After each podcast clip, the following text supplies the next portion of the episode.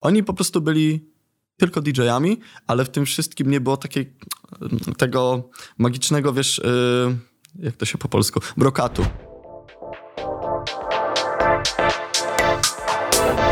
Cześć, tu Hubert Grupa. Łukasz Kowalka. Witamy Was w kolejnym odcinku serii podcastów e, Munocast e, prowadzonych przez Muno.pl i Idę w Tango. Cieszymy się, że z nami jesteście. Mamy nadzieję, że już zasubskrybowaliście nasz e, kanał i followujecie Muno.pl i Idę w Tango w mediach społecznościowych. Dziś naszymi gośćmi są osoby, które wniosły na polską scenę klubową sporo świeżości, a razem z nią też wiele jakości i wyrazistości.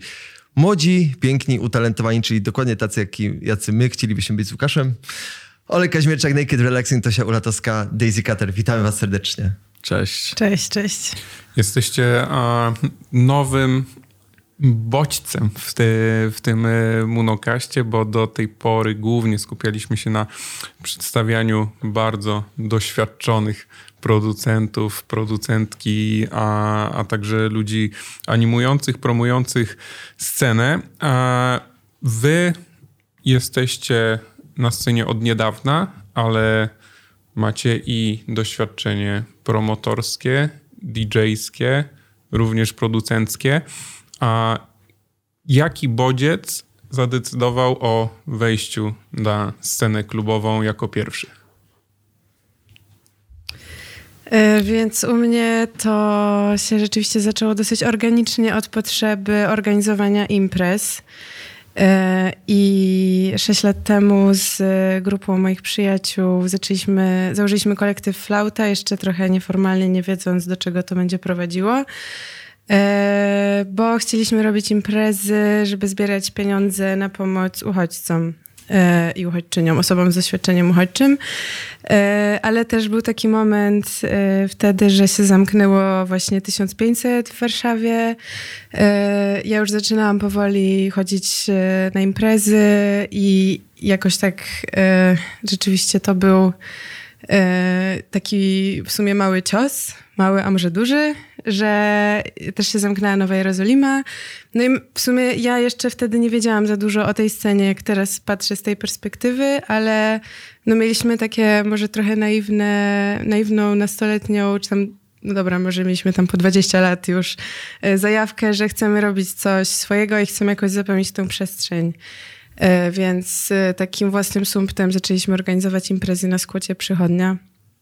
E, I, no i odkryłam wtedy zajawkę po prostu producencką, taką bardziej, jeśli chodzi o organizowanie wydarzeń, robienie rzeczy właśnie DIY, bez, bez żadnego finansowania, z takim bardzo silnym aspektem też wizualnym.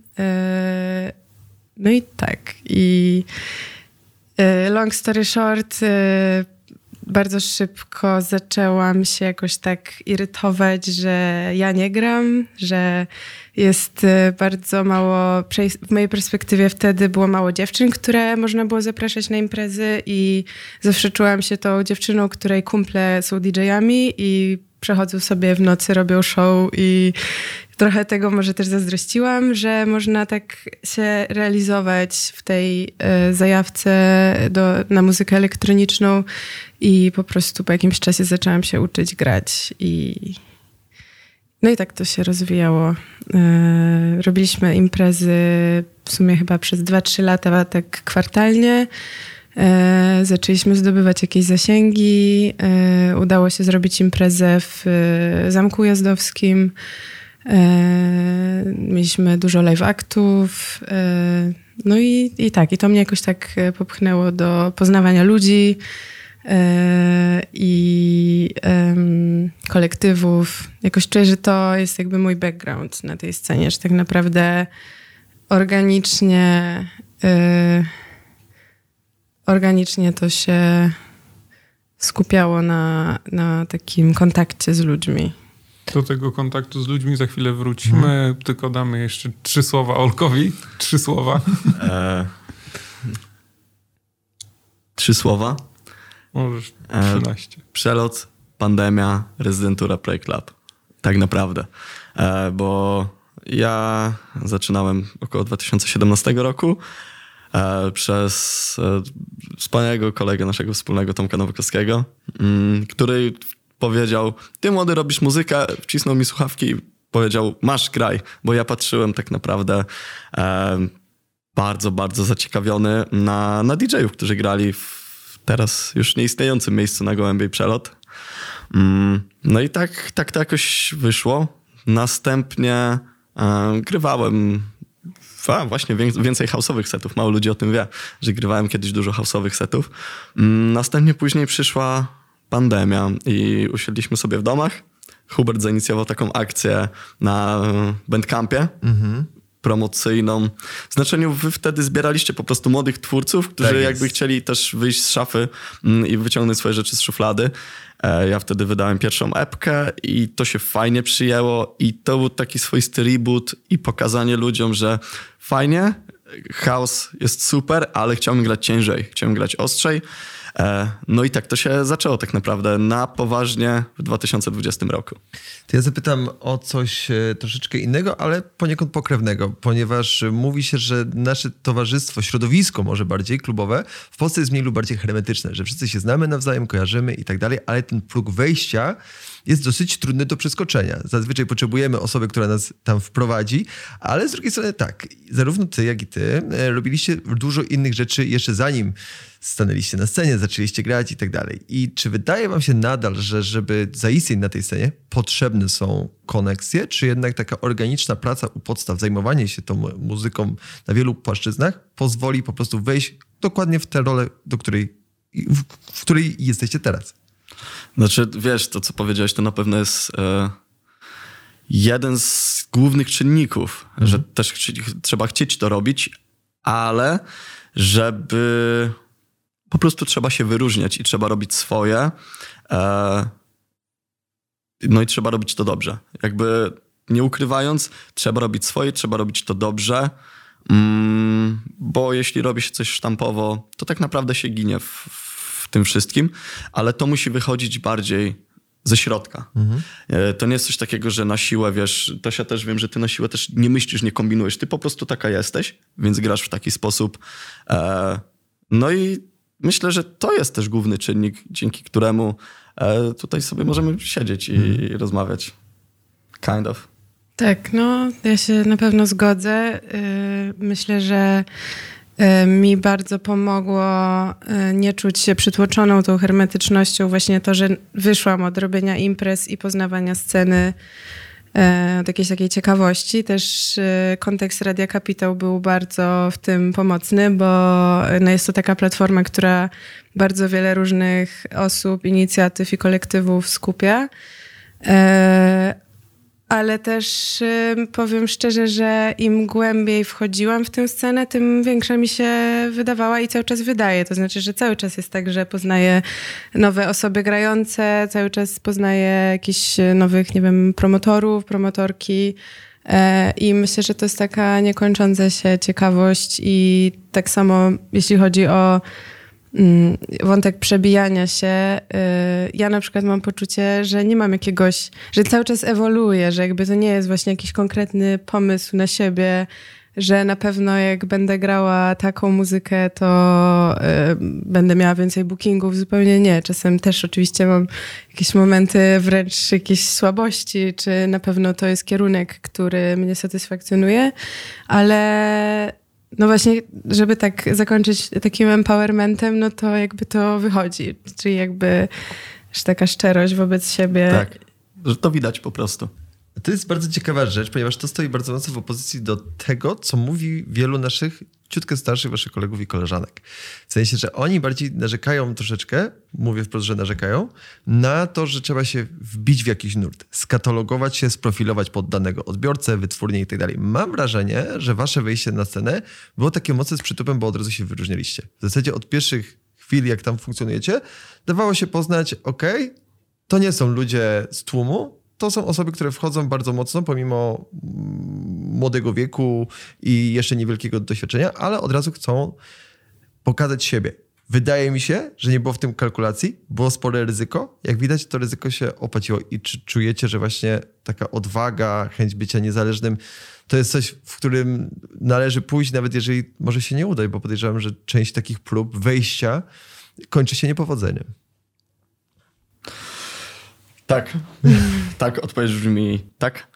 E, wiesz, no jak zaczynałem, to bardzo często słyszałem, mm, grając elektro mm. e, w Poznaniu, czy grając jakieś rzeczy mm, typu Powerhouse, że młody, ale ty dziwnie grasz. A ja mówię, no tak, ale jakby to w tym momencie ja chcę zagrać. I to nie musi być 4 na 4 to nie musi być jakieś e, bombiące, to nie musi być, nie wiem, jakiś... E, to, co jest aktualnie teraz w modzie, na przykład hard techno, no to nie musi być. E, grywam hard techno numery, ale grywam też na przykład trend z lat 90., zresztą Tosia też. E, grywam też elektro, powerhouse, bo generalnie mam taką jedną mm, maksymę e, music that makes you dance. Mhm. I jakby to się w tym, w, tej, w, tym, w tym motto to się wszystko zawiera. Bez etykiet, bez rozróżnienia na gatunki. A po co? Po co, jak ja tak samo kocham grać house, jak techno, jak trance, jak elektro, to po co to robić? Tak mi się wydaje, że ja jak słucham waszej selekcji i myślę sobie o aktualnych trendach, okej, okay, są jakieś konkretne i wy również w ten aktualny e, również jesteście w stanie się w nim odnaleźć, ale Mogę wymienić pewnie trzy inne, które na przykład mogą nadejść niedługo i też widzę, że to nie będzie problem, żeby się przestawić albo po prostu odnaleźć się w nim, nie z czystej kalkulacji, co po prostu Booker, który będzie się zastanawiał, kto będzie pasował do takiego klimatu, to raczej będzie się spodziewał, że też się nie zawiedzie, bukując was. Mhm. Tak, e, jeszcze wracając do e, poprzedniej myśli, to sobie uświadomiłam, że jak ja zaczynałam grać i jakby moje pierwsze takie sety na imprezach e, jakoś konstruowałam, właśnie ja bardzo się skupiałam raczej na narracji, a nie na, że w ogóle nie myślałam gatunkami. Dlatego od początku grałam bardzo eklektycznie i że gdzieś tam nawet sobie układałam po prostu godzinny set od początku do końca jak to mniej więcej będzie szło. E, I, no i też, e, też o tym często myślę, że to są, jest bardzo ambiwalentne, tak, że jest to duży plus poznawania wielu gatunków muzyki, takiego no, nieustannego digowania nowych klimatów e, i, i to jest jakieś wyzwanie. Znaczy to jest coś wspaniałego, ale jednocześnie jest to wyzwanie, bo no nie możesz się tak w pełni skupić na jednej sferze. A teraz myślę, że y, ja jestem w takim momencie, który mnie cieszy, bo on rzeczywiście to tak zaczęło działać, że y, nie wiem, jestem bukowana na różne imprezy, właśnie z takim zaufaniem, że y, zagram odpowiednio do tej imprezy, do tego warm-upu czy do tego closingu. Po prostu dostosowując się do tego i robiąc to w najlepszym możliwym moim stylu. E, tak, ale też się właśnie czasem zastanawiam e, nad tym tak zwanym swoim brzmieniem. Czy jeśli gram w tak wielu gatunkach i klimatach, to czy jednak e, gdzie, gdzie jest ten taki, takie mięso, które nazywa się tym moim dźwiękiem Daisy Cutter. A może właśnie tym, tym twoim mięsem, to twoją jakością jest to, że nie można się po tobie spodziewać niczego, a tak naprawdę wszystkiego, bo tutaj przypomnę odcinek z Monster, która powiedziała właśnie dokładnie to dokładnie, samo, tak. że jej może nie fenomen, bo ona by w życiu takiego słowa nie użyła, ale jej siłą jest to, że ludzie, którzy ją bukują, nie mają pojęcia, co ona zagra i właśnie hmm. na tym polega totalnie, jej fenomen. E, tak, i wydaje mi się, że to też jest taka cecha i siła osób młodych, które wchodzą no, na tę scenę, bo z drugiej strony, dajmy na to, scena Minimal House'u, którą bardzo lubię i tak dalej, która być może teraz nie jest najpopularniejsza, była parę lat temu i spotykam się z y, takim zdaniem kolegów czy koleżanek, które grają w tym, że narzekają, nie mają bookingów i tak dalej. No ale oni od pięciu lat grają wciąż ten Minimal House i czekają, aż ktoś się pojawi. Hmm. No i co ci mogę powiedzieć, Hubercie? No, no tak jest. E, też trochę jest tak, że e, gros osób, które już gdzieś tam były na scenie, e, nie ewoluują. Mhm. Nie ewoluują i to bardzo mocno pokazała pandemia, okay. że oni po prostu byli tylko DJ-ami, ale w tym wszystkim nie było takiej, tego magicznego, wiesz, yy, jak to się po polsku, brokatu. Tego czegoś jeszcze, co sprawia, że e, osoba jako artysta jest od A do Z, albo chociaż od A do, nie wiem, F, gdzieś tam dopracowany. Nie? Że od, jest od A do B, odtąd dotąd i później jeśli jakieś tam mm, się zmieniają e, realia czy, czy trendy, czy no, nie no, realia lub trendy, e, to ta osoba nie potrafi się do tego dopasować, ponieważ wcześniej świat wyglądał tak i świat muzyki, czy, czy świat po prostu wyglądał tak, a teraz wygląda inaczej i gdzieś nie potrafią na nowo się w tym odnaleźć. Chociaż mi się, znaczy po części się z tobą zgodzę, ale też sobie pomyślałam, że może jest tak, że są osoby, które świadomie się buntują przeciwko temu ciągłemu pędzeniu sobie, tak. ku nowościom, że jakby takiemu właśnie, no to co my robimy, że tak też to po, powiedziałeś Łukasz o tych trendach, że jakby można je trochę wyprzedzać, można też płynąć z nimi, odnajdywać się w nich, ale rozumiem, że są takie osoby, które na przykład jednak zawsze będą kupować płyty IBM-owe elektro, jakieś e, takie mroczniejsze bardziej elektro i po prostu no nie będą grać transu, bo po prostu ma, Albo to tego, nie. Bo, bo nie czują, ale na przykład, czy waszym zdaniem odpowiadanie na oczekiwania publiki to jest ważny czynnik DJ-a? Bo, bo wydaje mi się, że to, że dzisiaj ktoś, to, że ktoś jest dzisiaj na topie, mm, tego przyczyną jest między innymi to, że no jakby jest w stanie wyczuć, jakie są oczekiwania i to nie, niekoniecznie musi się wiązać z jakimś sprzedaniem siebie, no bo jeżeli masz szeroki wachlarz rzeczy, po które możesz sięgnąć, no to wiadomo, że jak jesteś bukowany do klubu przykładowo Szpitalna 1, sięgniesz po inną selekcję niż do klubu Tama na przykład, albo... No, Łukaszu, powiem ci szczerze, i tak, i nie. Albo na przykład. Ale jestem ciekaw, dlaczego. i Poczekaj, tak bo nie. I tak i nie. słowa. E, jakby Albo ja- spatif. Właśnie O. chciałam to powiedzieć. Ja, wiesz, ja swoją wypowiedź kierowałem e, w stronę Huberta, jak on powiedział o tych ludziach, którzy jakby sztywno gdzieś tam są i się dziwią, dlaczego tak jest. No jest tak dlatego, że świat się zmienia. Po prostu. Mm, a wy się sprofilowaliście jakby w pewien sposób i to też jest super, bo też mam znajomych właśnie od Nie minimali. my, tylko oni. Tak, o, no, no, tak. E, I kurde, uciekła mi myśl. E, I chodzi o to, że nie ma się co dziwić, że świat się zmienia. No to jest jakby... Naturalne. Tak, to jest turbo naturalne. E, a odpowiadając tobie, Łukaszu, no i właśnie to jest ten kazus... E, trochę może właśnie Molly Monster, która jakby staje się powoli żywym pomnikiem na scenie. Uważam tak i dla mnie to jest naprawdę mm, role model trochę, jeśli chodzi o granie różnych rzeczy i mm, brak strachu w graniu różnych rzeczy. Na przykład, wiecie, Molly pojechała do Her i zagrała transowego seta z winyli. Wow. I to, do tego trzeba mieć naprawdę mentalne jaja. Że nie odpowiadać do końca. Dzisiaj Co? trzeba mieć mentalne jaja, żeby zagrać transowego seta. E, z takiego, Nie takiego, ujmując tak, oczywiście. takiego jak Molly zagrała? Tak. Z płytek? Tak. E, W łazience w Berlinie? Tak. Plus oczywiście, e, wiecie, ja nie będę do końca obiektywny, bo mam bardzo dużo sympatię mm, do Molly, ale nie myślę bardziej o tym, że nie tyle trzeba odpowiadać, bo co też jakby trochę trzeba robić, odpowiadać na oczekiwania tych ludzi, ale można je kreować. Można im pokazać, to też jest fajne. Na przykład, nie wiem, zagrać w e, technosecie e, numer Rozy Terenzi i pokazać im, o, takie właśnie to są te smaczki. I dla mnie to jest, właśnie dla mnie, e, Tosia, to jest to mięso, które ty gdzieś masz, że potrafisz wnieść, na przykład grasz technoseta, tak jak dla e, Polish Technology, nagrałaś ostatnio, ale tam też są właśnie te smaczki i te smaczki powodują, że to jest set Daisy Cutter, a nie jakiś tam set, który gdzieś tam wychodzi.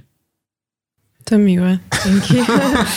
Ja to tak widzę E, przynajmniej. Ja tylko chciałabym powiedzieć, że jest więcej takich osób. e, Też e, jak e, jakoś tak e, zgadzam się absolutnie co do Moli, która też zawsze gdzieś tam była w mojej orbicie e, ważną postacią, ale też ostatnio przeprowadzałam rozmowę z Olą Tex, której też należy oddać Tak. e, e, tutaj dużą taką swobodę i eklektyzm. I Ola powiedziała ty, w tej rozmowie coś, z czym ja się totalnie zgadzam i co trochę jest odpowiedzią na e, twoje pytanie, bo em, dla mnie to jest właśnie ten etos DJ-ski, e, który najbardziej mnie wzrusza i który szanuję, czyli że właśnie e, dostosujesz się do miejsca, dostosujesz się do ludzi, do energii i nie masz problemu z tym, żeby grać oldschoolowy house, nie masz problemu z tym, żeby zagrać jakieś szybsze techno.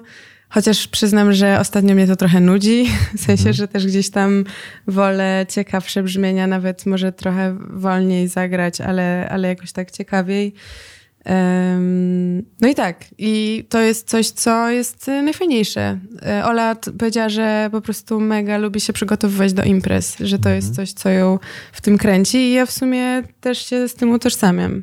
Totalnie tak. Nawet y, może to być czasem ciekawsze niż sam performance na scenie. Powiedzieliśmy bardzo dużo o brzmieniu, ale waszym wyróżnikiem, jako powiedzmy tej nowej fali młodych DJ-ów i DJ-ek na scenie, jest coś, czego totalnie myślę, że już po jednym sezonie monocastu i po paru rozmowach w ramach drugiego możemy to powiedzieć, jest świadomość wagi wizerunku i promocji. I dla wielu starszych kolegów i koleżanek jest to smutny obowiązek. O mój Boże, muszę mieć tego Facebooka, muszę mieć ten Instagram, bo mają inni, ale nie czerpią z tego korzyści na zasadzie, że okej, to może pomóc w promocji mojej epki, mojego setu, etc., etc. Tylko podchodząc do tego właśnie w taki troszeczkę niewdzięczny sposób. Yy, Was do tego przekonywać absolutnie nie trzeba, yy, bo jak gdyby w momencie, w którym się pojawiliście, od razu też byliście bardzo aktywni i wyraziście w swoich e, social mediach. I teraz, czy waszym zdaniem to jest rzeczywiście obowiązek i standard i nie ma co się z tym kłócić, czy jednak jest to taki dodatek, który no, nie musi być, ale niech będzie. Się swoją drogą przed przyjściem tutaj mówiłam Malkowi, Tak. że tyle czasu jednak trzeba na to poświęcać, że to Okej. jest serio y, dużo pracy. Bo to jest praca. Wiecie, tak. są ludzie, którzy się zajmują tylko social media. I to jest dla nich praca. I to jest też praca dla DJ-a, uważam. To jest po prostu element pracy DJ-a. Tak, ja się z tym zgodzę, chociaż też przychodzi mi to naturalnie, w sensie, Mhm. że nie muszę się do tego rzeczywiście jakoś zmuszać. Em, Tylko zwróćmy uwagę też na specyfikę pokolenia. Już jesteśmy No tak. tym pokoleniem, które to rzeczywiście miało w zasadzie w ręce. W momencie, w którym wy wystartowaliście z karierami, naturalnie uznaliście to za jeden z kanałów waszej komunikacji i promocji. Dla tych ludzi, powiedzmy 35-45 mm, plus, no jest to coś takiego trudnego, bo dajmy na to, zarówno Kuba, Sojki, e, Kuba Sojka, jak i dajmy na to Jurek Przejdziecki, który też jest przecież specjalistą od marketingu, uznają, że gdyby poświęcili choćby, przynajmniej tak powiedział Kuba, 10% tego czasu, który poświęcają w studiu na pracę nad wizerunkiem, to osiągnęliby światowy sukces. Wow. Wow. Macie wrażenie, że gdyby nie ta komunikacja, takich sukcesów, jakie odnosicie dzisiaj, by nie było? Mm. Mm. Nie wiem, ja też boję się bardzo takiego. Znaczy, byłoby smutno tak myśleć Mhm. na pewno, bo nie chciałabym, żeby było tak, jak z pewnością wiele ludzi myśli, że może być łatwiej, jak się ma na przykład ładną twarz, e, po prostu mieć więcej lajków, mieć większe zasięgi, e, po prostu się wypromować, albo e, no, że jakby traktować to właśnie tak instrumentalnie. Ale z drugiej strony, ja też zauważyłam coś takiego, że zaczęłam właśnie wrzucać dużo zdjęć samej siebie, jednak już po tym, jak ta moja kariera tak ruszyła i wystartowała, że jakby wcześniej się raczej skupiałam na promowaniu projektów, które robiłam, tak jak Flauta właśnie, czy Radio Kapitał, a, a teraz po prostu ym, się to jakoś tak spięło naturalnie. I, no i mam świadomość, że to jest narzędzie, które daje mi większy rozgłos. E, no ale cóż, no mam nadzieję, że gdyby pozbawić Daisy Cutter Instagrama, no to nadal byłaby Daisy Cutter i grała dużo. No chyba tak. E, Wiecie, to też nie ma co gdybać, bo tu mm, teraz myślimy o świecie, który już nie będzie nigdy istniał, bo nigdy nie będzie świata bez social media. Mm, ale ja myślę, że nale- należy sobie zadać inne pytanie. Co będzie za 10 lat? Bo wiecie, teraz wiodącym social media jest TikTok, który e, jest no, wiodącym social media i naprawdę jakby przyrosty popularności na TikToku potrafią być absolutnie jakby nie z tego świata, ale TikTok też bywa szkodliwy, dużo bardziej szkodliwy niż Instagram czy, czy Facebook. Mm, Po drugie, tam on jest chiński, także to jest taka Mm, okej. shady sprawa. Mm, Ale to jest lepsze pytanie. Czy my za 5 lat, jeśli wskoczy coś nowego, będziemy mówili, kurde, jakbym 10% y, czasu poświęcał właśnie na ten jakby kanał dotarcia do odbiorców, to czy robiłbym coś tego? I to jest lepsze pytanie. Czy za 5-10 lat my, Tosia i ja, będziemy mogli powiedzieć to samo, co, co Kuba i Jurek? Czy jednak będzie dla nas to naturalne, bo już urodziliśmy się po prostu z telefonem w ręce, nie? To Czy mnie nie bardziej będzie interesuje. narracji, no mamy Facebooka, Instagrama, już na, na więcej nie możemy sobie pozwolić. Nie, no ja, wiesz, no... Nie no, wtedy Ja to będzie brzmiało tak, jak ja tylko Tak. gram z winyli. i- Tak, tak, dokładnie. To wtedy będzie Tak. boomerstwo. No ja się czasem zastanawiam, czy za pięć lat też będzie mi się chciało to robić Tak, tak, dokładnie intensywnie, bo w sumie ile można. Ostatnio też ktoś, e, miałam taką rozmowę na temat, bo tam było, był taki moment, że coś tam, że Facebook miał się wycofać z Europy, nie? I sobie wtedy pomyślałam, i te wszystkie godziny pracy nad tymi postami, nie? I te wszystkie zbierane lajki i ci followersi i na co by to było? I to wszystko jak krew w piach. I wtedy się ma już, to trochę jest taki, wiadomo, że to się nie wydarzy. I wtedy sobie wyjście. myślałem, może lista mailingowa. Newsletter. Why not? Tak, tak. Ale no, to jest taki trochę, wiecie, zimna woda na głowę, że może nie ma co też aż tak się przejmować tym. Jest to pewna fluktuacja, bo tak jak jeżeli chodzi o fluktuację, jeżeli chodzi o kanały dotarcia, tak samo jest fluktuacja, jeżeli chodzi o gatunki. I dajmy na to ta scena techno, o której ty powiedziałaś, że troszeczkę już cię nudzi. Ta jednostajna właśnie mm, rzecz i co waszym zdaniem będzie kolejne? Jak wy do tego podchodzicie i czy wy sami sobie próbujecie wyjść... I dlaczego disco? Dlaczego Chciałem disco, powiedzieć, oczywiście. że to będzie disco. O, a ja zupełnie nie, nie pomyślałam o tym. Nie, nie, ja pomyślałem, bo wiem, że tu chłopaki... No tak. Oj, oj, oj. Pamiętajcie, to Ale jest program... kibicuję, kibicuję. Dziękujemy, to jest Tak. program o was, pamiętajcie. Słuchaj, za długo się znamy. Tak. Hmm, znaczy, ja pomyślałam o scenie basowej i eksperymentalnej e, jako takiej emerging. E, tak. Też jest to em, no, super ciekawa scena, też taka jakby reprezentowana w dużej mierze przez Unsound, który jakby wyznaczał tutaj kierunek. em, ale, ale to się dzieje teraz, nie? Więc jakby w sumie to nie jest do końca odpowiedź. No ale czasem właśnie ja się zastanawiam nad tym, mm, co, co, co dalej, bo chciałabym też poeksplorować nowe rzeczy, e, ale na przykład nie mogłabym właśnie się zawęzić jakby do, tylko do takiej muzyki basowej.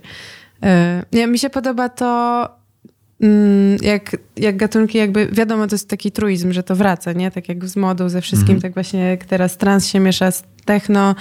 E, ja bardzo lubię taki tech house, e, o dziwo. Właśnie w ogóle nigdy bym nie nazywała tego, co lubię tech house'em, ale ostatnio uświadomiła mi moja dobra znajoma, że właściwie to jest tech house, tylko w takim zupełnie nowym wydaniu, czyli właśnie e, Radiant Love, czy em, nie wiem, taka scena z UK, z Leeds, Adam Pitts, e, czy właśnie Planet Euphoric i Rosa Terenzi, Di Tiffany, to wszystko, jakby to są rzeczy, które są moją największą inspiracją i jakby od tego zaczynałam się wkręcać w właśnie taką nie, ym, niekonwencjonalną może elektronikę. No i właśnie to jest jakby tech house, który jest taką fuzją właściwie, że ten, może tech house jest podstawą, ale to jest też e, jakiś oldschoolowy house i jakieś są różne takie też, nie wiem, breakbeatowe momenty, mhm. bardzo melodyjne i jakby no to cały czas się rozwija gdzieś tam, nie? Więc nie wiem, co będzie dalej, ale mam nadzieję, że będzie to tak ciekawie szło właśnie korzystając z tego, co już było. Nie wiem, czy jasno tak, tak, ale Przecież tak jak wspominałeś, zaczynałeś od chaosu, o którym już wiele osób nawet nie wie. Tak. A jak gdyby dzisiaj zupełnie nie jest z tym już... A jakby przyszło zrobić remix na The Very Polish Cutout i miałbyś tydzień, pewnie też by się udało. Wy wiecie, żeby się udało. Tak. A myślałem dzisiaj o tym, żeby to puścić na wiosnę. Eee, wy wiecie jaki numer, wiecie pod jakim aliasem. Unreleasy, tak jest. Unreleasy, ale to nie Unreleasy jako Naked mm. właśnie. Chociaż okay. tych też się uzbierało sporo. Wróćmy do pytań. eee, nie wiem, co będzie The Next Big Thing. Mm. Eee, może tak jak to się powiedziała, właśnie muzyka basowa, połamana, takie rzeczy, które gra drum. Chociaż drum też potrafi zagrać y, set od techno do połamańców i wrócić do techno, no ale to jest, wiesz, profesor z y, trzech gramofonów, także to jest trochę inna, inna rzecz. E, natomiast ja myślę, że muzyka basowa jest dużo mniej taneczna niż y, muzyka chociażby techno, house, czy nawet elektro, które jest połamane, więc w teorii bębny nie 4 na 4 są mniej taneczne, ale jednakowoż to ciągnie ludzi. A muzyka basowa jest dla mnie czymś takim bardziej do posłuchania, pokontemplowania. Więc nie jestem pewien, nadal obstawiam disco. Okej, okay, dobrze, bardzo nas to cieszy. E, dobrze, zastanawiam się na temat troszeczkę może mniej przyjemnych rzeczy, na temat zjawisk, które wam się nie podobały w momencie, w którym wchodziliście na, na tę scenę, ponieważ jest cały czas rzeczy, bardzo dużo, nad którymi no, ta scena musi popracować. Jakie to były w waszym przypadku? Kolesiostwo przede wszystkim, e, nie patrzące na jakość, a bardziej na koneksję, bardziej na to mm, okej, okay, ja cię zabukowałem tu, więc ty mnie zabukujesz tu. Ja tego totalnie nie rozumiem, dlatego nie chciałbym organizować swoich imprez sam Właśnie albo jeśli tak jest, to bardzo jakby jasno stawiam granice, że... No ale, ale zobacz, obserwując ciebie, nie znając y, prywatnie, można powiedzieć, że twoja kariera jest oparta o kolesiostwo, a ja bym chciał e, właśnie w tym podcaście zrywać z tym takim z zewnątrz obserwowaniem. Nie, nie ma nic złego w kolegowaniu się na przykład z promotorem z innego miasta i jak, gdzie twoim zdaniem to kolesiostwo w złym e, tego słowa znaczeniu się objawiało. Nie, nie chodzi oczywiście o przykłady, nie? bo jakby wzajemna wymiana to, to, to nawet może czasem być po prostu fajna opcja, żeby wyjść poza lokalną scenę i się no, gdzieś tam meczować. Nie umiem znaleźć tego właśnie negatywnego kolesiostwa, chyba że jest ono oparte, nie wiem, o brak po prostu jakby wiedzy takiej promotorskiej. No i o tym właśnie mówię. Ja dokładnie o tym mówię, bo nie należy mylić networkingu z kolesiostwem. Okay. Bo to, o czym Łukasz powiedział, to jest networking. To jest najlepsza rzecz na świecie. Natomiast ja mówię o czymś takim, że impreza traci na jakości, bo promotor chce zabukować swojego kolegę, bo mu coś obiecał. To jest bez sensu. Jakby w tym nie widzę sensu. E, I też, wiesz, jak ktoś by mi powiedział, okej, okay, rozmawialiśmy na ten, e, o tym terminie, gdzieś tam załóżmy, nie wiem, e, Kraków, Katowice, w jakimkolwiek mieście innym niż Warszawa w Polsce i usłyszałbym, słuchaj, jest sprawa, mam zajebistego lokalsa i to ja bym powiedział, super, o to właśnie chodzi, nie? Natomiast gdybym ja na przykład tracił na jakości, załóżmy, nie? E, że gdzieś, gdzieś bym stracił na jakości, a ktoś by mnie bukował tylko dlatego, że się znamy. To jest to negatywne kolesiostwo. E, no i właśnie nie należy tego mylić z networkingiem, które jest super rzeczą. I współpraca między miastami. I z tym kolesiostwem faktycznie się spotkałeś. Tak. A Daisy, jeżeli chodzi o ciebie? E, właśnie się zastanawiam. Przyszły mi do głowy dwie rzeczy. Jedna to coś, co pandemia jeszcze bardziej mm, pogłębiła, czyli takie, takie negatywne emocje, jakby międzyludzkie na scenie, mhm. czyli jakby mm, są ró- różne środowiska, które ja zaczęłam gdzieś tam rozpoznawać, które właśnie, y, nie wiem, czy to jest kolesiostwo, no ale jakby bardziej trzymają ze sobą i są bardziej w kontrze do innych, którzy myślą trochę inaczej. W sensie czasem jak, nie wiem, trafiam na jakieś dyskusje na fejsie, to po prostu robi mi się niedobrze, nie? Że jakby ludzie e, się po prostu nawzajem bojkotują. Mm, ale może to, to jest jakby normalne też z drugiej strony, w sensie powszechne w każdym środowisku. Y, Dla mnie taka rzecz ostatnio, mm, o której dużo myślę i w sumie też sporo gadam z ludźmi, to jest kwestia transparentności stawek i w ogóle finansów na O. scenie.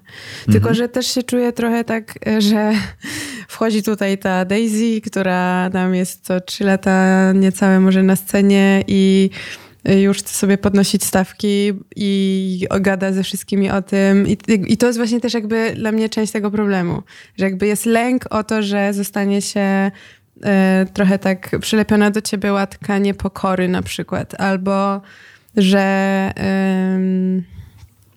no u bardzo łatwo w ogóle dos, dostać jakby inaczej, może właśnie łatwo się bać o, o, o jakieś łatki, ale z drugiej strony y, ten brak transparentności mnie zaczął męczyć po prostu. W sensie to, że jakby to jest takie y, po prostu wiem, że to zależy ode mnie i od mojej sytuacji już teraz od tego właśnie kogo znam, kogo mogę się doradzić, zapytać jakie są stawki w danym klubie y, albo y, na danej imprezie, od czego to zależy i tak dalej, ale jeszcze jak zaczynałam, nie miałam w ogóle pojęcia, jak to robić, nie miałam pojęcia, jak negocjować, jak wycenić swoją pracę. E, I po prostu chciałabym, żeby osoby, które zaczynają, mm, miały łatwiej. W sensie, żeby tylko też mówię o tym z taką niepewnością, bo z drugiej strony wiem, że to się rządzi swoimi prawami i tak jak każda branża kreatywna, wiadomo, że nie będzie tak, że każdy może zarobić tyle samo, bo to też zależy od tego, kto organizuje imprezę, czy to jest klub, czy to są niezależny promotor i cykl. E, To zależy od tego, ile kto gra, czy produkuje, czy nie. Wiadomo, to są, jest mega dużo różnych czynników, ale mimo wszystko może też dlatego, że traktuję ten, to coraz poważniej jako mój zawód i coś, na co poświęcam większość mojego czasu, e, no to po prostu chciałabym, żeby ta sytuacja finansowa była przynajmniej jaśniejsza, jakby łatwiejsza do ogarnięcia. Nauczyłaś się tych negocjacji? No, cały czas się uczę tego, cały czas się uczę. ym, w ogóle też miałam właśnie ostatnio rozmowę na ten temat a propos na debacie, którą prowadziłam z dziewczynami DJ-kami, które przyjechały na Jasną na, na ten y, Unik ostatnio. Y, I właśnie jedna z nich powiedziała, że o, o, o takiej zresztą y, zbadanej tendencji kobiet do y, zaniżania swojej stawki wręcz w, o połowę. Że zazwyczaj jest tak, że jakby to jest, to jest chyba takie powiedzenie, że double your rate. E, czyli, że jakby. Ja, ja też to zresztą e, wiele razy robiłam, może nie o połowę, no ale na przykład zastanawianie się przez pół godziny, czy to nie jest na głupio tak poprosić o stówę więcej, czy tam rzucić stówę więcej po prostu, nie? I no jest dużo dziwnych emocji wokół tego tematu dla mnie i em, tak. I po prostu mm, myślę, że trzeba rozmawiać i się komunikować. Tak. Myślę, że też, wiesz, y, można dawać sobie taki empowerment do tego. Wiesz, y, po- powiedzieć komuś, ej, jesteś dobra, jesteś dobry, jakby musisz się cenić. Tak. Jakby, wiesz, jest cię coraz więcej, e, wyróżniasz się, musisz się cenić. E, ale też, gdyby mi ktoś tego nie powiedział, też bym o tym nie wiedział. No i pewnie to samo, nie? Leon powiedział w podcaście z nami, iż e, stawka 500 euro nie powinna być w ogóle dyskusyjna i powinna być jakimś standardem na tej naszej scenie. E, To się wybiegłaś poniekąd do tematu, o której siłą rzeczy musi, musimy e, zahaczyć i bardzo chcemy zahaczyć, czyli właśnie o obecność kobiet na scenie klubowej. E, Ponieważ tutaj cały czas sytuacja się troszeczkę zmienia i my czasami w rozmowach mamy wrażenie, że dzisiaj, no okej, kobiety pojawiają się już regularnie w line-upach, jest ich coraz więcej. Z drugiej strony widzimy postawę promotorów czy bookerów na zasadzie, okej, muszę jakąś dziewczynę zabukować. czy tak rzeczywiście jest? Czy ty też się spotykasz z czymś takim, że ktoś do ciebie dzwoni, pisze, bo potrzebuje, za przeproszeniem, laska w line-upie? E, ja się z tym nie spotkałam, ale ym, też się zastanawiam, od czego zacząć tutaj, bo ten temat ostatnio też mocno wałkowałam. Bo ja tylko dodam, że ja z taką sytuacją się spotkałem w zasadzie, że usłyszałem od koleżanki, DJ-ki, że ona nie dba w zasadzie o bookingi i tak dalej, i tak dalej, i że w zasadzie co tydzień, co drugi tydzień ktoś zadzwoni, bo w sumie tych dziewczyn jest niewiele, więc ona i tak jakiś booking dostanie. Hmm. E, nie wiem, też nie pomyślałabym w ogóle, że ich jest niewiele, bo jednak jest ich teraz wiele. E, ale ja na przykład ostatnio od kolegi DJ-a usłyszałam, że miał problem zawsze z bukowaniem dziewczyn, ponieważ zwyczajnie nie dawały rady technicznie. I to usłyszałam od osoby, która jakby wydawała mi się raczej open-minded i, i totalnie nie, jakby nie zarzucam tej osobie złych intencji, ale jakby nadal krążą takie przekonania. Um, I faktycznie, jak ja zaczęłam robić imprezy, nie znając jeszcze za dużo dziewczyn, to miałam problem, żeby była chociaż jedna czasem w line-upie. Zaprosiliśmy kiedyś Charlie z Krakowa, która się zgodziła też non-profitowo na ten nasz benefit przyjechać i i, no, no i teraz na pewno sytuacja jest lepsza, aczkolwiek ja na przykład nadal mam takie, trochę mnie po prostu to jakoś obrusza, jak widzę, że nadal są line-upy, w których są sami kolesie. I się, się, to zdarza dosyć często, ale to może dlatego, że ja mam takie trochę radykalizujące podejście do tego. Czyli, że jakby nie mówię, że parytety to jest e, jedyna dobra droga, ale jest to pomocne narzędzie. Czyli jakby jednak liczyłabym na wysiłek właśnie bookerów, żeby, żeby, żeby zawsze się znalazła tam jakaś dziewczyna, ale nie dlatego, że musi być, bo musi być dziewczyna, tylko jest właśnie masa dziewczyn, które zagrają świetnie na każdej imprezie, na którą się je zaprosi. Okej. Okay. Słuchajcie, jak doszło do waszego wspólnego setu na Undercity? To jest Ciekawa historia. No to się jak? Jak to się Ja już stało? tyle się nagadałam przed chwilą, może. nie, no. Generalnie y, myślę, że to było dosyć naturalne y, dla, dla, dla Klaudii, żeby nas razem za, zabukować. Mm, no bo jakby, wiecie, gramy też, jeśli... Właśnie to jest fajne. Jeśli to się gra swoje, ja gram swoje, to to 70% się na pewno pokryje, mhm. bo to się i łamie e, 4 na 4 i gra właśnie rzeczy z takim zacięciem bardziej mm, techno i trensowym i też houseowe rzeczy, tak jak mówiłaś, ale po prostu szybsze, cięższe. No i ja to samo, jak akurat nie gram 144 i jakichś tam starych techno, techno rzeczy, to bardzo lubię taką muzykę grać, więc to mega naturalnie wyszło. Bardzo, a w ogóle się bardzo ucieszyłem na, na telefon, bo e, czy ty byłaś zapytana o to, czy... A, okej, okay. dobrze, dobrze. To, to miło. Tysia? Tak, tak. No było tak, że rzeczywiście e, Klaudia się mnie spytała, e, jakby miałam najpierw za, zapytała o, o, kogoś innego, nie powiem kogo, a ja miałam takie... Yy. Czyli kolekcję. no ale potem, i potem od razu jakby jednomyślnie powiedziałyśmy Olek. No i ja powiedziałam, no pewnie. pewnie. Macie wiele wspólnego, ale e, widziałem, że przygotowywaliście się do tego seta. Prawda? Tak. Prawda. Grali, musieliśmy sobie rozegrać. Graliśmy. Tak, ale co jest ciekawe, że... Ym, to przygotowanie nie zmieniło jakby chyba naszych indywidualnych wizji, jakie mieliśmy na to. Nie, znaczy, nie. To było po prostu raczej um, po to, żeby poczuć się um, tak w tym byciu razem przy mhm. CDJ-ach. Tak, nigdy nie dopracowaniu po, po jakiejś selekcji wspólnie, czy coś jakoś takiego. To był dotychczasowo wasz największy geek? E... Jeżeli chodzi o skalę występu na scenie?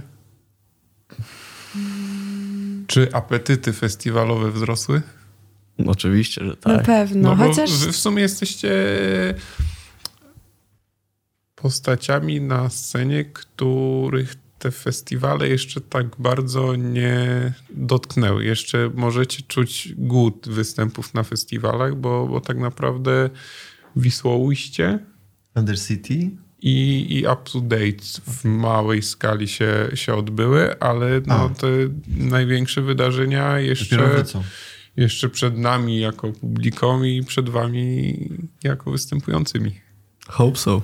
No, dla mnie, dla mnie zaproszenie na Up to Date jest y, w sumie jakimś takim chyba najważniejszą rzeczą w tym roku, tak naprawdę muszę przyznać, bo jednak jest to festiwal, który y, no, jest mi najbliższy y, i, i jeszcze, no, i nie wyobrażałam sobie na ostatniej przedpandemicznej edycji, y, będąc, że to się wydarzy w ciągu najbliższych lat, więc y, tego na pewno jestem spragniona i nie Od mogę ha- się Od doczekać. hasła up to date bardzo jest blisko do hasła autorytety na scenie, więc Oj, tak. e, chciałem was spytać, czy kto jest dla was, już padła ksywka Monster, ale i w Polsce, kogo byście wskazali jako taki role model i za granicą obserwując e, może po prostu rozwój, skalę kariery. Mówimy o DJ-ach. Na przykład. Tak, nie o promotorach, nie o bookerach. Chodzi o pewne podejście do jakby wartości na scenie i Dużo tego. Tak? No, o, a tak, to ciekawe. bez ponieważ- kolesiostwa. Ale to ciekawe, bo dajmy na to, Agim powiedział, że nie ma dzisiaj w Polsce autorytetów. No to jest odważne stwierdzenie, Mhm. ale wiesz, Agim na to patrzy zupełnie z innej perspektywy. Mm. Turbo dla mnie, dla ciebie na pewno też e, autorytetem jest e, Ditek. No, to, była jest moja jakby- pierwsza rzecz. Ale no. chciałam, chciałabym tylko powiedzieć, że Ditek oczywiście, ale w ogóle y, FOMO jako miejsce, tak samo Mifi, którego Tak, pozdrawiamy. tak, tak, Jakby, tak, że tak. bardziej oczywiście Ditek jest tego prowodyrem i ojcem duchowym, y, ale, ale po prostu podoba mi się jego umiejętność wytwarzania takiej wspólnoty, która potem działa i jest w stanie te wartości dalej nieść, nie? To jest super. Ja właśnie wróciłem z FOMO, bo w sobotę tam grałem. Back to back all night z Mifim. E, Wcześniej otwierał taki Łukasz Polakowski. Super świeża krew, mega fajnego seta zagrał, takiego idealne otwarcie. Idealne otwarcie dla mnie, jako dla DJ-a. Jakby ja bym się tam totalnie jakby szedłem y, do baru i się wracałem, bo leciał jakiś numer, który ja znam, albo który nie znam, ale jest w, totalnie w moim vibe. Mm, I to, co robią w FOMO Club, czego nie ma nigdzie indziej, e, tam mają bardzo świadomych odbiorców. Gra, zagrałem tam taki numer e, Outlander, Vamp. To jest bardzo stary, rave'owy numer. I ludzie młodsi ode mnie, mam 26 lat, ludzie dwudziestolatkowie, znający ten numer, rave'owali z ręcami w górę, e, w górze do tego. Niesamowite, nikt mi tego nie zabierze. Pięknie to było oglądać. Padły hasła. Yy, chcecie jeszcze zagranicznych wskazać? Takich swoich bohaterów? Ja Wspominałaś. Wspominałam, tak. Dla mnie na pewno Di Tiffany Mhm. była pierwszą taką postacią, jak ją usłyszałam y, w Leeds, będąc tam na Erasmusie i, i właśnie to przede mną otworzyło cały ten y, taki no, ten styl w elektronice, który mnie najbardziej kręci. No a to jest coś, co obserwuję będąc w Warszawie, co się dzieje w Berlinie, gdzie ona się przeprowadziła jakiś czas temu, czyli właśnie takie bardziej queerowe kolektywy e, organizujące rave'y w jakichś takich e, oczywiście pustostanach, robiące kompilacje benefitowe dla organizacji pomagających kobietom i osobom queer i tak dalej. Jakby, I to jest, e, no to jest takie środowisko, które też mnie bardzo inspiruje, chociaż w nim nie uczestniczę, tylko raczej patrzę na to sobie z boku. Z- Olek Molgrab. Kolega Bulgar. Tak, kolega Molgrab. E, no tak, no tak, tak, tak. Oczywiście Molgrab i to z każdej strony, i z house'owej, i od połamanej strony, i od strony mm, techno, ciężkiego, bo bardzo ciężkie techno produkuje. E, ale przede wszystkim pod względem jakby grania i eklektyzmu w setach, Molgrab, Seinfeld, DJ Seinfeld, jego ostatni her, Jezus, niesamowity przelot od Balearic House'ów po połamaną, po połamaną końcówkę, po UK vibe. Naprawdę szapoba. E, pod względem też DJ-skim, ale przede wszystkim persony, E, w TSS. Martyna absolutny role model dla mnie. E, kolaboracje z... Kolaboracje to jest złe słowo. Kooperacje. Współpr- współpraca z e, włoską marką A Better Mistake. Świetne rzeczy, bardzo jakościowe. E, w ogóle samo bycie taką personą widać, że ona tym żyje. Że to nie jest kalkulacja, że ona po prostu taka jest. Mimo, że to jej najnowsze wydawnictwo nie do końca mi siedzi, tak e, wcześniejsze rzeczy z Wargiem, mm, taka epka, Warg TSS, niesamowite i pod względem jakby persony, ewolucji kariery, tej ścieżki takiej, to zdecydowanie e, jeśli mógłbym czyimiś śladami podążać, to BTSS. Łukasz, wydaje mi się, że chciałeś zapytać o pewne hasło, które padło wcześniej w wypowiedzi między innymi Olka, a mianowicie o warm-up. To jest temat, który przewijał już się w monokaście. Przypomnijmy tylko monokast e, z Kowalskim, do którego was odsyłamy i do którego link znajdziecie w prawym górnym rogu ekranu. I o tej słynnej, mitycznej wręcz szkole polskiego warm-upu już słyszeliśmy wszyscy i chyba każdy się spotykał z e, koleżanką lub kolegą, który przed naszym wejściem na pierwszym secie grał już 140 BPM-ów. E, czy dla was ta sztuka była sztuką trudną, czy musieliście się jakoś szczególnie nauczyć, przygotować, czy może jednak... Ja wiem, do czego wypijecie. Nie. Ja, ja sobie uzmysłowiłem teraz, y, że mogę znać przynajmniej jedną odpowiedź. No, E, więc od, zacznijmy od Tosi. Okej.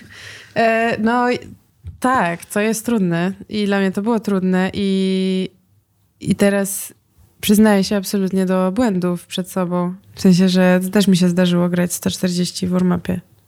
Mówię o tym szczerze i Kogo chciałabyś przeprosić? no w ogóle y, swoją drogą y, i to dopiero niedawno sobie to uświadomiłam. y, Mogłabym przeprosić WTSS. Dlatego, tylko że to też oczywiście mogę sobie teraz tutaj się pocieszyć, że to było, grałyśmy, to było moje pierwsze chyba granie na jasnej i to było tuż w momencie, jak wychodziliśmy z lockdownu tego pierwszego i właśnie wtedy zagrałyśmy, zagrałam y, support przed Martyną, więc to było dla mnie bardzo duża rzecz, ale słuchajcie, i mi się przypomniało ostatnio, że ja zagrałam jej kawałek w tym warm-upie. Są osoby, które Ale- to traktują jako jakiś taki hołd. Tak, Tak, ja, ja tak. wtedy też to tak traktowałam, ale dopiero potem się dowiedziałam jakby i przyznaję się do tego, że tak się nie robi, ale też z drugiej strony skąd się ma o tym wiedzieć, jak się dopiero zaczyna, w sensie, że też nie ma takiej może łatwo dostępnej wiedzy. Trochę trzeba w tym posiedzieć, trochę poczytać. Ja się o tym dowiedziałam tak naprawdę czytając wywiady z bardziej doświadczonymi DJ-ami, DJ-kami, E, ale jakby przyznaję się do tego, żeby też pokazać, że jakby każdy popełnia jakieś błędy, zwłaszcza na początku. E, I no, więc tak, popełniłam taki błąd, a, ale wciąż też e, jest wyzwaniem, myślę, granie, granie takiego warm-upu. Dla mnie jest dużym wyzwaniem w ogóle granie właśnie wolniej, ale w, z budowaniem takiej super dynamiki, ciekawej. Na przykład nie, w ogóle ja bardzo rzadko gram w jednym tempie, raczej ciężko mi to idzie, więc to jest trochę teraz moje wyzwanie, żeby się nauczyć na przykład zagrać super ciekawego seta w jednym tempie. Bez y, jakiejś takiej y, narracji właśnie z góry do dołu albo z dołu do góry i do dołu, wiecie, jakiegoś takiego ciągłego y, y, dynamizowania. Więc tak. A jak to było z warm-upami i naked relaxing?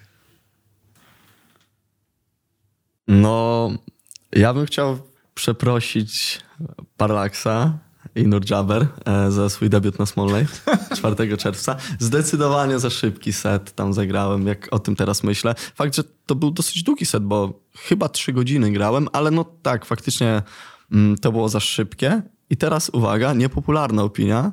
I wielu, wiele jakby słuchaczy oglądających ma prawo się nie zgodzić, ale nie uważam, że mój warm-up przed VTSS to była przesada. Bo jak ktoś, ja śledzę sety Martyny od dawna i wiem, jak ewoluowało jej granie i w tym momencie ona gra rzeczy z donkiem. Mm. Google it. E, i, I gra bardzo, bardzo, bardzo szybko, 155 nawet. Więc warm-up w tamie przed VTSS może nie do końca idealny, ale yy, wprowadzający na pewno w atmosferę takiego bardzo hedonistycznego rave'u, bardzo takiego wyzwolonego tańczenia, który jakby totalnie, e, totalnie nie wyobrażam sobie, że ja wchodzę tam i gram grzecznego seta 135 BPM-a i nagle wchodzi Martyna i robi e, po, i naokoło siebie się mega turbo rozpierdol e, i nie wyobrażam sobie tego. Ja myślę, że to też jest mega ważne, że, żeby bronić swojej wizji, bo też zasady są zasadami, ale no jakby chyba po to jesteśmy, żeby wychodzić też poza nie czasem i e, wnosić jakieś nowe jakości, bo inaczej wszystko by stało w miejscu. Tak, no plus no mówmy się, że jeżeli jest headliner, który gra 140-150, no to warm-up ma wprowadzić do jego jakby show, ale myślę, że problem, na który jakby zwrócił uwagę Hubert, dotyczy, dotyczy też jakby imprez o trochę mniejszej skali, gdzie po prostu DJ otwierający imprezę nie do końca zastanawia się nad tym, kto zagra po nim i jak on zagra. I to jest pewnie częstszy problem, który, który występuje, ale myślę, że nie dotyczy mhm. dzisiaj naszych gości. Tak jest. Yy, moi drodzy, Padła tutaj wielokrotnie ksywka VTSS i jesteście przedstawicielami, kolejny raz to powtórzę, tej młodej fali, więc znacie też osoby, które do tej fali należą. I zastanawiam się, jakie są wasze dwa, trzy typy, jeżeli chodzi o DJ, DJ-ki, producentów, producentki, które mają największe szanse, żeby może nie w super szybkim tempie, ale w najbardziej prawdopodobny sposób podążyć tą drogą VTSS i osiągnąć sukces poza Polską. Można wskazać na siebie. Chcielibyśmy. Chciałbym, no. I wish. Okej, okay. damy wam chwilę. Ale, czyli jakby kto myślimy, że ma szansę zrobić karierę poza Polską, w tak, skrócie? Tak, z takich właśnie, z młodego środowiska DJ-skiego. Zależy jak, o jaki typ kariery nam chodzi, bo ja w sumie tak na szybko nie przychodzi mi do głowy nikt taki, kto to mógłby zrobić taką karierę DJ-ską w jakimś sensie celebrycką. Kind of. Ale... Czyli tak uważasz, że BTS jest takim mariażem? Tak. Oczywiście, że tak. No tak. stary. Wiecie, tak, tak. pytam o was, bo... No, pytam, ale to nie jest nic pejoratywnego. Tak, dla was jest to oczywiste, ale podejrzewam, że gdybyśmy mm. słowa bycie celebrytą w kontekście DJ-a użyli podczas rozmowy, dajmy na to z Jurkiem Przeździeckim, mm. no i jego reakcja mogłaby być różna. No hmm. tak, ale pytanie, czy jesteśmy w stanie w ogóle dzisiaj myśleć o karierze zagranicznej Bez pozbawionej bycia, tak, no i właśnie to, do absolutnie. tego piłam, że mhm. jakby jestem w stanie sobie wyobrazić osoby, które na przykład zrobią karierę międzynarodową producencką. Mhm. Ale to nie będzie nastawione na mhm. bycie osobą znaną, która ma 150 okay nie pamiętam ile tam tysięcy followersów, followersów ja... E, ale będzie e, po prostu robić muzykę, która będzie wydawana za granicą i może będzie jeździć i grać. Okay. To ja inaczej zadam to pytanie okay, i to już będzie ostatnie pytanie w tej części rozmowy. Mm, czy widzicie siebie na tym miejscu? Plus może jako dodatek Jakie jeszcze cele wytyczacie sobie na najbliższe miesiące, a może lata? Teraz ten blokat spadł, o którym Olek mówił. Nie, ten Albo brokat, ten, pro, ten blokat, za chwilę pójdzie ja, w górę. Nie chodziło o to, mi chodziło o ten magiczny taki sprinkle, który tak, daje tak. ci wróżkę, jak okay. dotknięcie palcem okay. Bożym, wiesz o co mhm. chodzi? A nie, że to jest brokat, że to jest e, blichtr. Tak, tak. To jest... Hmm. Ale Olek, ja jestem ciekawa, co ty odpowiesz na to pytanie? Słuchaj, powiem ci tak. E, skoro rok temu w listopadzie znaczy 2020 listopad, nawet nie pomyślałaś, że mogłabyś otworzyć Undercity przed Władimirem Byszkinem, a za rok to robisz. Robisz mi najlepszy empowerment to, to ja, nie wyob- to ja sobie nie wyobra- nie chcę wyobrażać sobie, gdzie, co można zrobić jeszcze za rok, za dwa lata. Ale fajnie byłoby to zrobić. Tak, mniej więcej tak.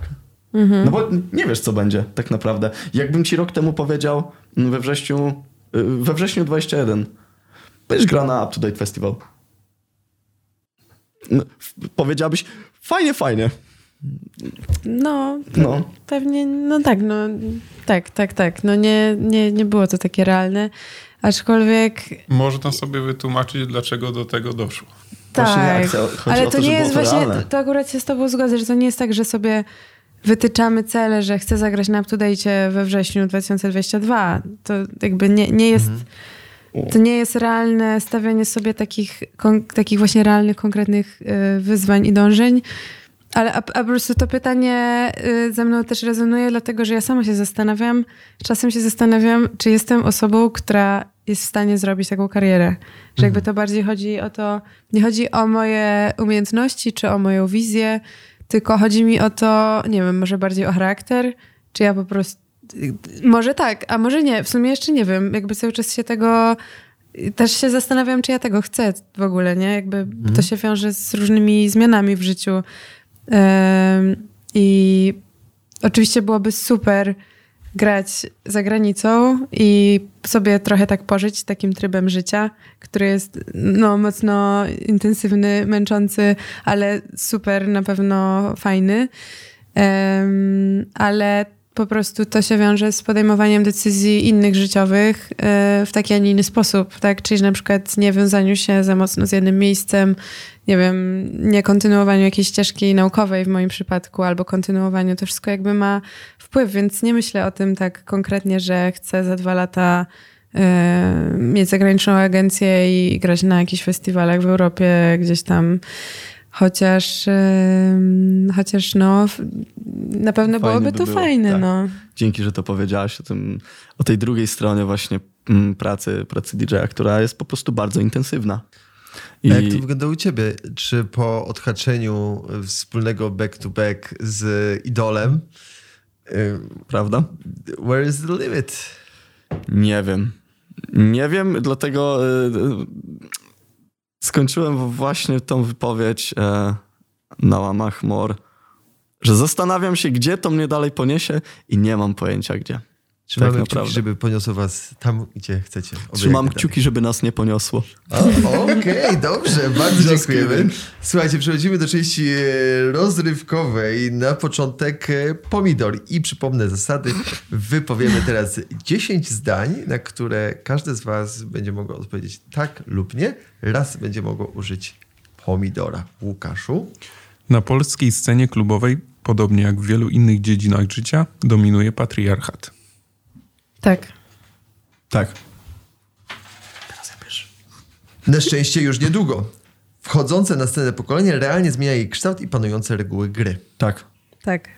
Tutoriale z YouTube'a i tanie kontrolery to nic złego. Przestańmy snobować się na lata nauki i umiejętności obsługi zaawansowanych urządzeń, które w niczym nie pomogą, jeśli człowiek nie ma nic ciekawego do zaprezentowania publiczności. Tak. Tak. Przez lata brakowało w Polsce autorytetów do naśladowania. Na szczęście zaczynają się pojawiać. Nie. W sensie, że nie brakowało. O to mi chodzi. Nie, no nie brakowało. Znaczy one cały czas były, tylko trzeba je wydigować i jakby... Docenić. Docenić, tak, docenić. Gdy minie, gdy minie moda na szybkie techno, połowa z obecnie grających DJ-ów i DJ-ek nie będzie potrafić odnaleźć się w innej stylistyce. Większość z nich poszła za tłumem, lecz brakuje im własnej osobowości w graniu. Nie wiem, czy chcę wykorzystywać swój pomidor już. Tak, to jest podobnie jak ze sceną... Yy, yy, jak z tym kazusem minimali, o którym mhm. mówiliśmy. Okay. Przy czym, zaznaczam, bardzo szanuję ludzi, którzy na przykład od 15 czy 20 lat grają na przykład tylko elektro albo mhm. tylko minimale i oni w to, w to są jakby wtłoczeni mhm. już i super.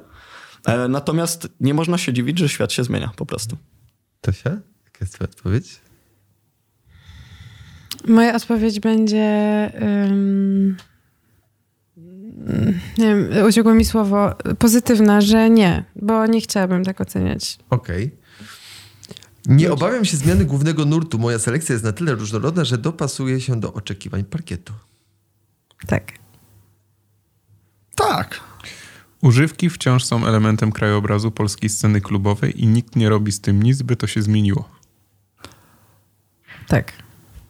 To są dwa pytania. Tak? No. Że są Część krajobrazu, tak? Są częścią krajobrazu, ale bardzo dużo jest... Um, mam wrażenie, że świadomość po prostu okay. się zwiększa.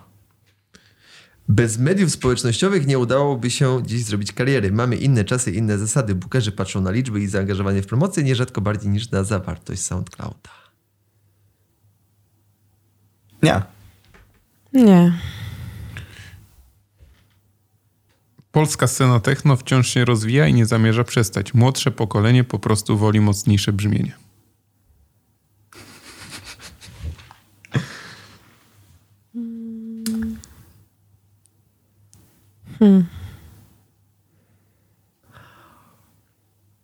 Zbliżamy To już było ostatnie pytanie. Pomidor.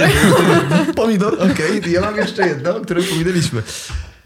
Ostatecznie chodzi o biznes. Ambitny dwudziestolatek z dużym fanbase'em lepiej sprzeda imprezę niż czterdziestolatek bez fanpage'a, za to z dużym doświadczeniem i zbiorem płyt. Czekaj, czekaj.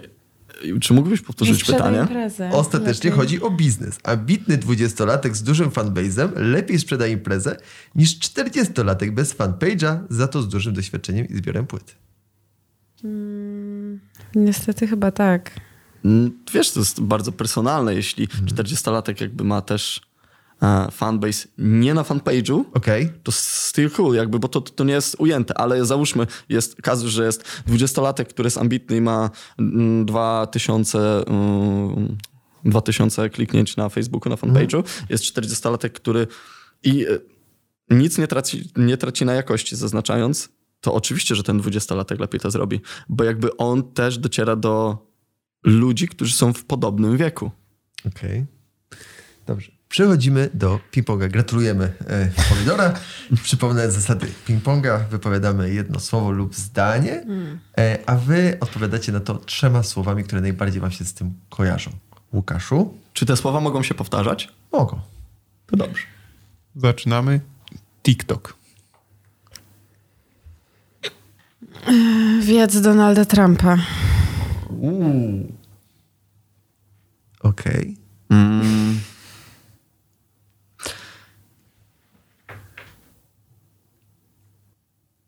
Trzy pierwsze skojarzenia. Trzy pierwsze skojarzenia.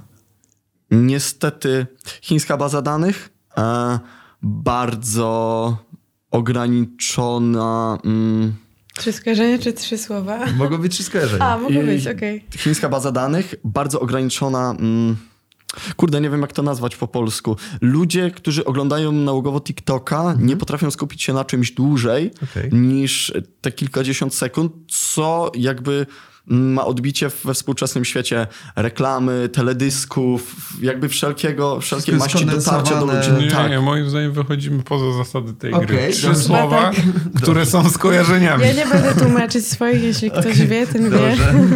Chińczycy, y, brak zagłębienia, zasięgi Okej. mimo wszystko. Ten jeden znajomy, który zawsze prosi o wpisanie na listę gości. Darmowy drink. Mm. Edukacja.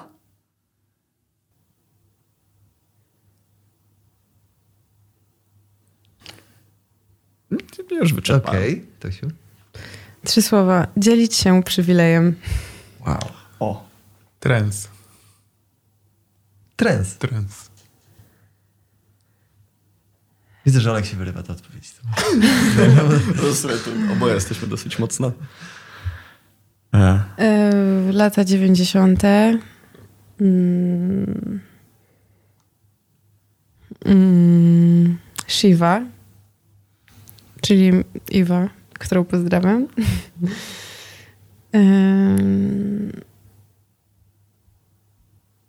Trzecie skojarzenie to ten kawałek, który Oleg mi wysłał, taki super, e, ale nie pamiętam jak on się nazywa. E, The Zoo. Możliwe. Tak, Razor's Edge. Który E. chyba był z GTA. A nie, to jest y, Dave Baran, Revolt Club Tak, Rock Remix, dokładnie. Shake. Jak słyszę słowo trance, to teraz najbardziej ten kawałek ze mną rezonuje, no. No to ja przede wszystkim. E...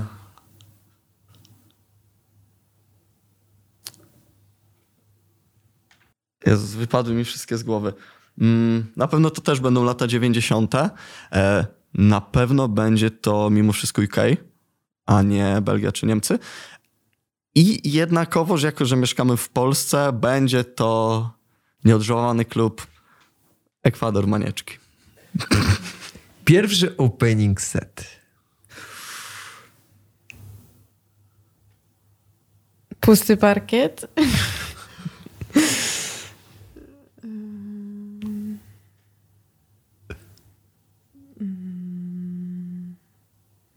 Sprawdzian.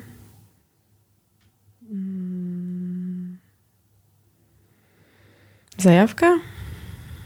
Stres, wsparcie um, i nieopierzenie. Dziękuję bardzo. Jeszcze ostatni. A, dobrze. Idealny na finał. Pierwszy closing set.